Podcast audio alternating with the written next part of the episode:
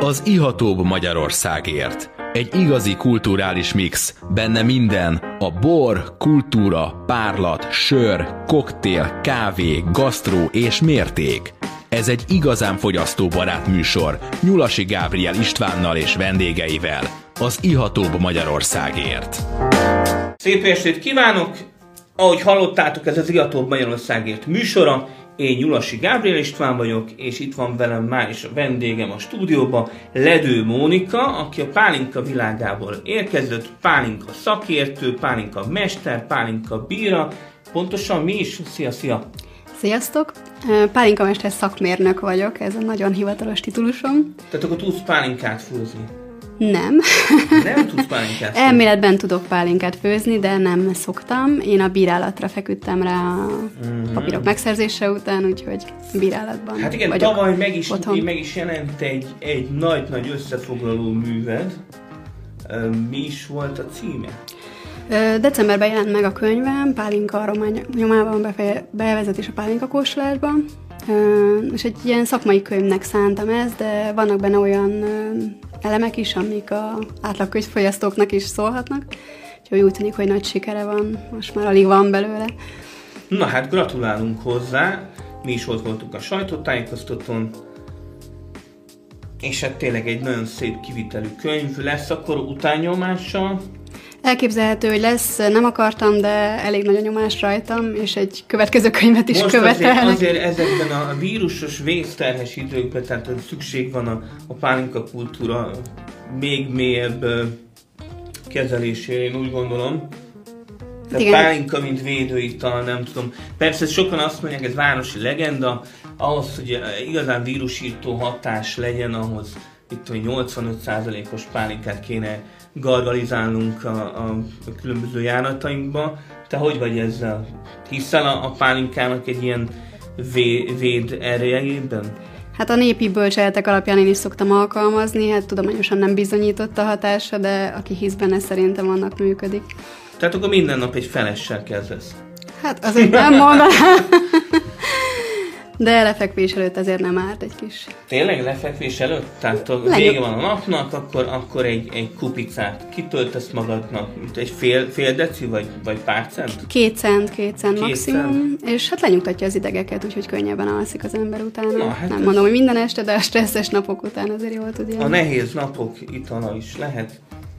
És hát már is van a, a, a poharunkban egy, egy pálinka, méghozzá egy, egy színes pálinka, tehát uh, már mondhatom. Nem tudom, bírálatban ez uh, pálinka szak, bír, bírálati szaknyelven ez milyen sárgának uh, mondható? Van-e ilyen színkritériumok szerinti Ö, aranysárgának hívnám ezt a színt, Mhm. uh-huh. ez megfelel a tölgyfahordóban történő érlelésnél. Aha, tehát kedves hallgatók kedvéért mondom, hogy alma pálinka, 100% alma, az agádi pálinka főzve Miraculum pálinkájáról van szó, ami meg is nézem 40%-os, és töltött némi időt hordóban, mert hát ö, alapvetően minden, minden párlat ö, víztiszta színű, Igen. csak hát különböző trükkökkel válnak színessé. Nagyon szép kis alma illat, almás pite. Én almás pitének mondanám, én kifejezetten uh-huh. szeretem ezt az illatot, ugye a hordó az szépen lesimította az almának a kis izgalmas fűszeres jegyeit.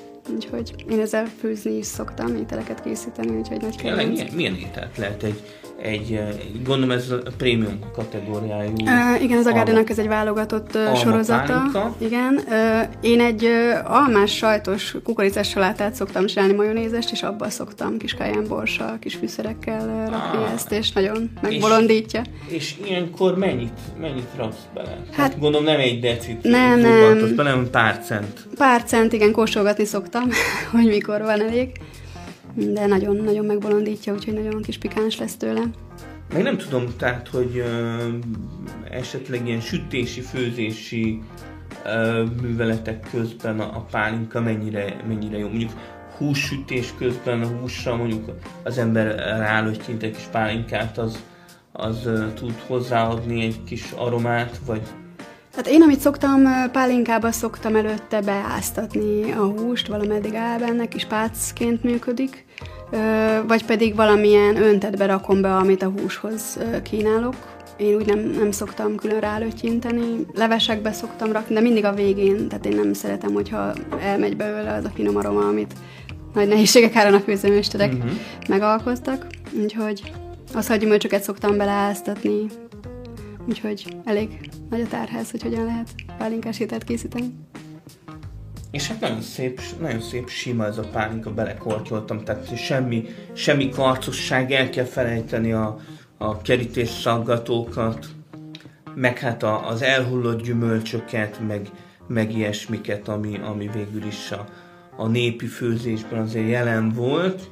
Nem is tudom, ezek, ezek a pálinkák végül is az idő, tehát hogy állással, ha mondjuk, ha mondjuk egyben van egy pálinka, akkor le tud simulni valamilyen szinten? Tehát ha mondjuk, mondjuk tíz év múlva kibont egy kerítés szaggatót az ember, akkor, akkor lehetséges, hogy egész kellemes aromákat kap, vagy ami, ami már el volt rontva, ami már olyan szerkezetű, az abból már nem lesz sose jobb, de nem válik jobbá idővel. Nem, ami rossz volt, az sosem lesz jó, tehát az még egyre rosszabb lesz idővel. Uh-huh. Én, én ivásra azt nem ajánlanám, minden másra lehet használni, készfertőtlenítésre esetleg. Nagyon nem, nem ajánlatos ilyeneket megírni szerintem. Csak a fejfájás lesz a vége, meg mindenféle egyéb panasz. Hát igen, csak minőségi pálinkát ígyunk, magyar pálinkát, mert a pálinka az, az alapvetően magyar, ugye? Bár azt, azt hiszem, hogy Ausztriának is egy, egy részén használhatják a pálinka a nevet, és mi a pálinka definíciója hallgatók kedvére mondom, tehát Magyarországon termelt, tehát Magyarországi gyümölcs, ami el van ismerve, tehát ha mondjuk az ember itt ültet egy banánfát, most abból hiába esetleg van egy jó szürete, és készít pálinkát, nem pálinka az, hanem egy, egy banán párlata lesz, ugye? Igen. Tehát nem hivatalosan, bár a klíma tehát a felmelegedés lassan már a banán élelő meleget gerjez. De... Most kivi ültetvények vannak újabban, elég nagy hozammal, úgyhogy ez az éghajlatváltozás ez elősegíti a kivinek a termesztését. Na hát tényleg jól sikerült ez az agáti pálinka, és hát beszéljünk így a, a szünet előtt egy kicsit arról, hogy hogy is kerültél a pálinka világához közel. Gyakorlatilag 12-ben hallottam egy hirdetést, hogy a Corvinus Egyetemen indul egy pálinka mesterképzés, és annyira egzotikusnak hangzott, hogy rögtön gondoltam, hogy jó lenne erre beiratkozni. És aztán ott találtam magam 150 ember között, akik pontosan ugyanilyen célral jöttek oda, és hát beszippantott magával. 150 ember? 150-en voltunk, aztán lemorzsolódott. Hát körülbelül 50-en végeztünk szerintem abból. Aztán a későbbi években lehet, hogy volt, aki pótolta az elmaradásait, de én úgy emlékszem, 50-en végeztünk 2014-ben. Azóta azt hiszem most már talán a hatodik vagy a hetedik évfolyam jön ki, úgyhogy elég népszerű ez a képzés. Tehát akkor egy képzéssel indult, és hát mikor kóstoltad az első igazán jó pálinkát? Gyakorlatilag amikor az első tanításnak volt, akkor fölmentünk a Pálinka Fesztiválra, ilyen gólyatábor jelleggel, és ott, ott kóstoltam az első jó pálinkámat. És előtte nem? Hát előtte rossz pálinkákat kóstoltam. Jó, hát, az, az, én, az én első uh, szeszes italom, most ki kell ábránítani a kedves hallgatókat, tehát az, be kell valljam, egy eléggé mesterséges ital volt, még nem is tudom, hát alsó tagozatos lehettem, amikor kipróbáltam a, a sütőrumot. hát annál, annál, hogy is mondjam, durvább és, és mesterkét aromás cuccot nehéz kitalálni, de mondjuk tehát a szesz tartalom azért hatott rám. Így kisgyermek fejjel. Kaptam is némi, némi szidást otthon. Úgyhogy nem csináltam ilyet többet. Tehát nem, nektek se ajánlom, kedves hallgatók, hogy otthon kipróbáljátok a sütőrumot. A sütőrum az sütésre való. Vagy hát végül is lehet azért jobb rumokat is beszerezni. Talán. Nos, hát akkor ö, megkóstoltuk ezt az agárdi pálinkát a Miraculum sorozatból, és hát kóstolunk majd a, az adás folyamán további jó pálinkákat, úgyhogy kedves hallgatók, ne menjetek nagyon messzire, mert most egy kis szünet után visszajövünk. Sziasztok! Sziasztok! Dunakanyar FM 94.1 A hullámok hullámhosszán.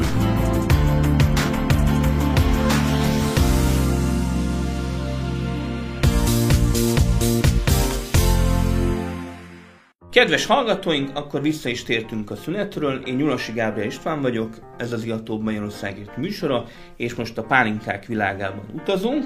Kedves vendégünk Ledő Mónika, pálinka mesterrel, pálinka bírával, pálinka szakértővel. Szervusz! Sziasztok!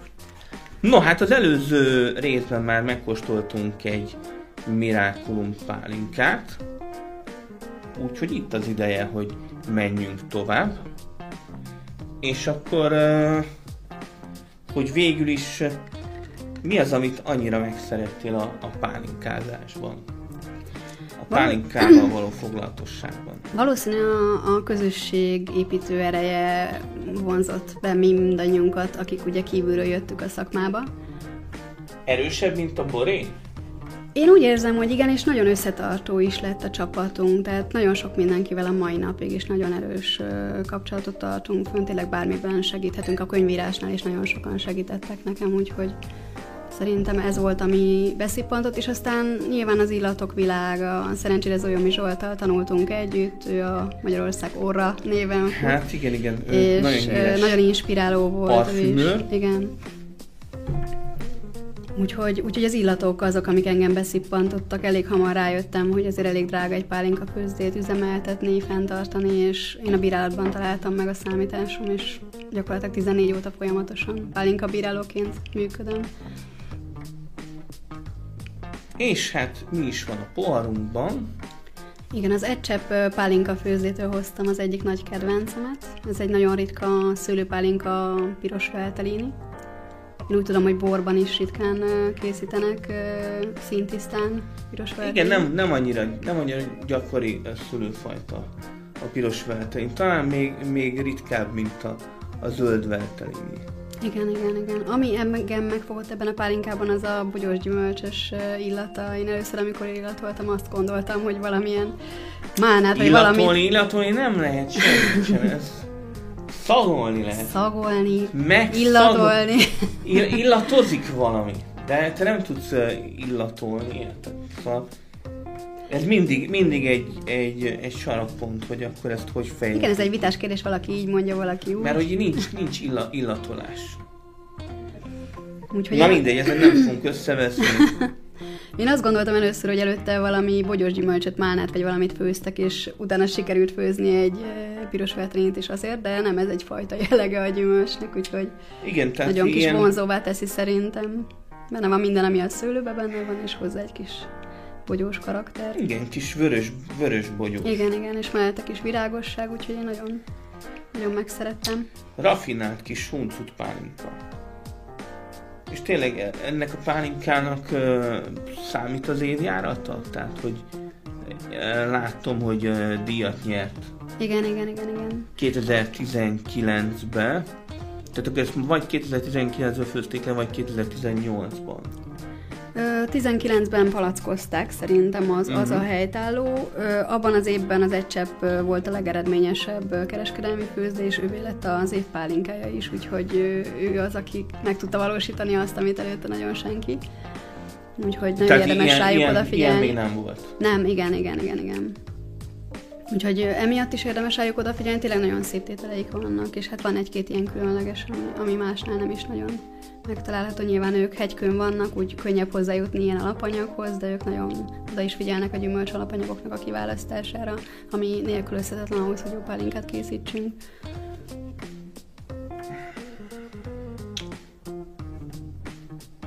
Hát igen, ez egy, ez egy különleges aroma. Kicsit meg is kóstoljuk.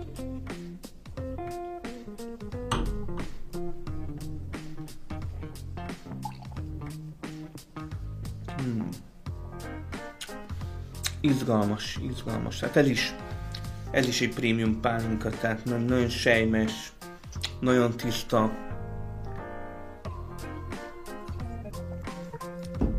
Szépen jönnek az aromák.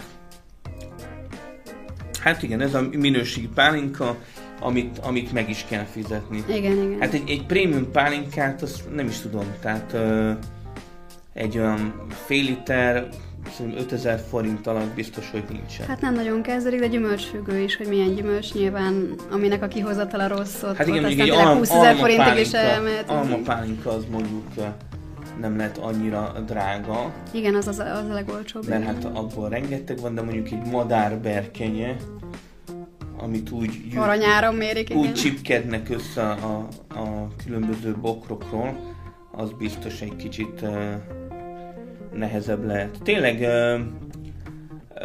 lehet érezni így uh, a pálinkáknál évjárati különbséget? Tehát, hogy, hogy mondjuk 2019 az mondjuk az, é- az előző évjáratokhoz egy, egy jobb pálinkás év volt, vagy rossz pálinkás év, rosszabb, vagy nehezebb évjárat volt. Hogy, hogy működik ez a pálinka világában?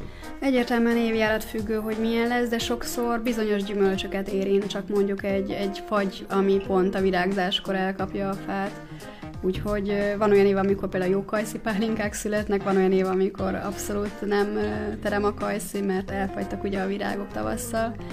És pont emiatt nehéz ez a külföldön érvényesülés, hogy nem tudjuk ezt a folyamatos minőséget fenntartani. Nagyon jó itt a Kárpát-medencében a, a gyümölcsnek a helye, de nagyon befolyásolja az éghajlatnak a, a változása.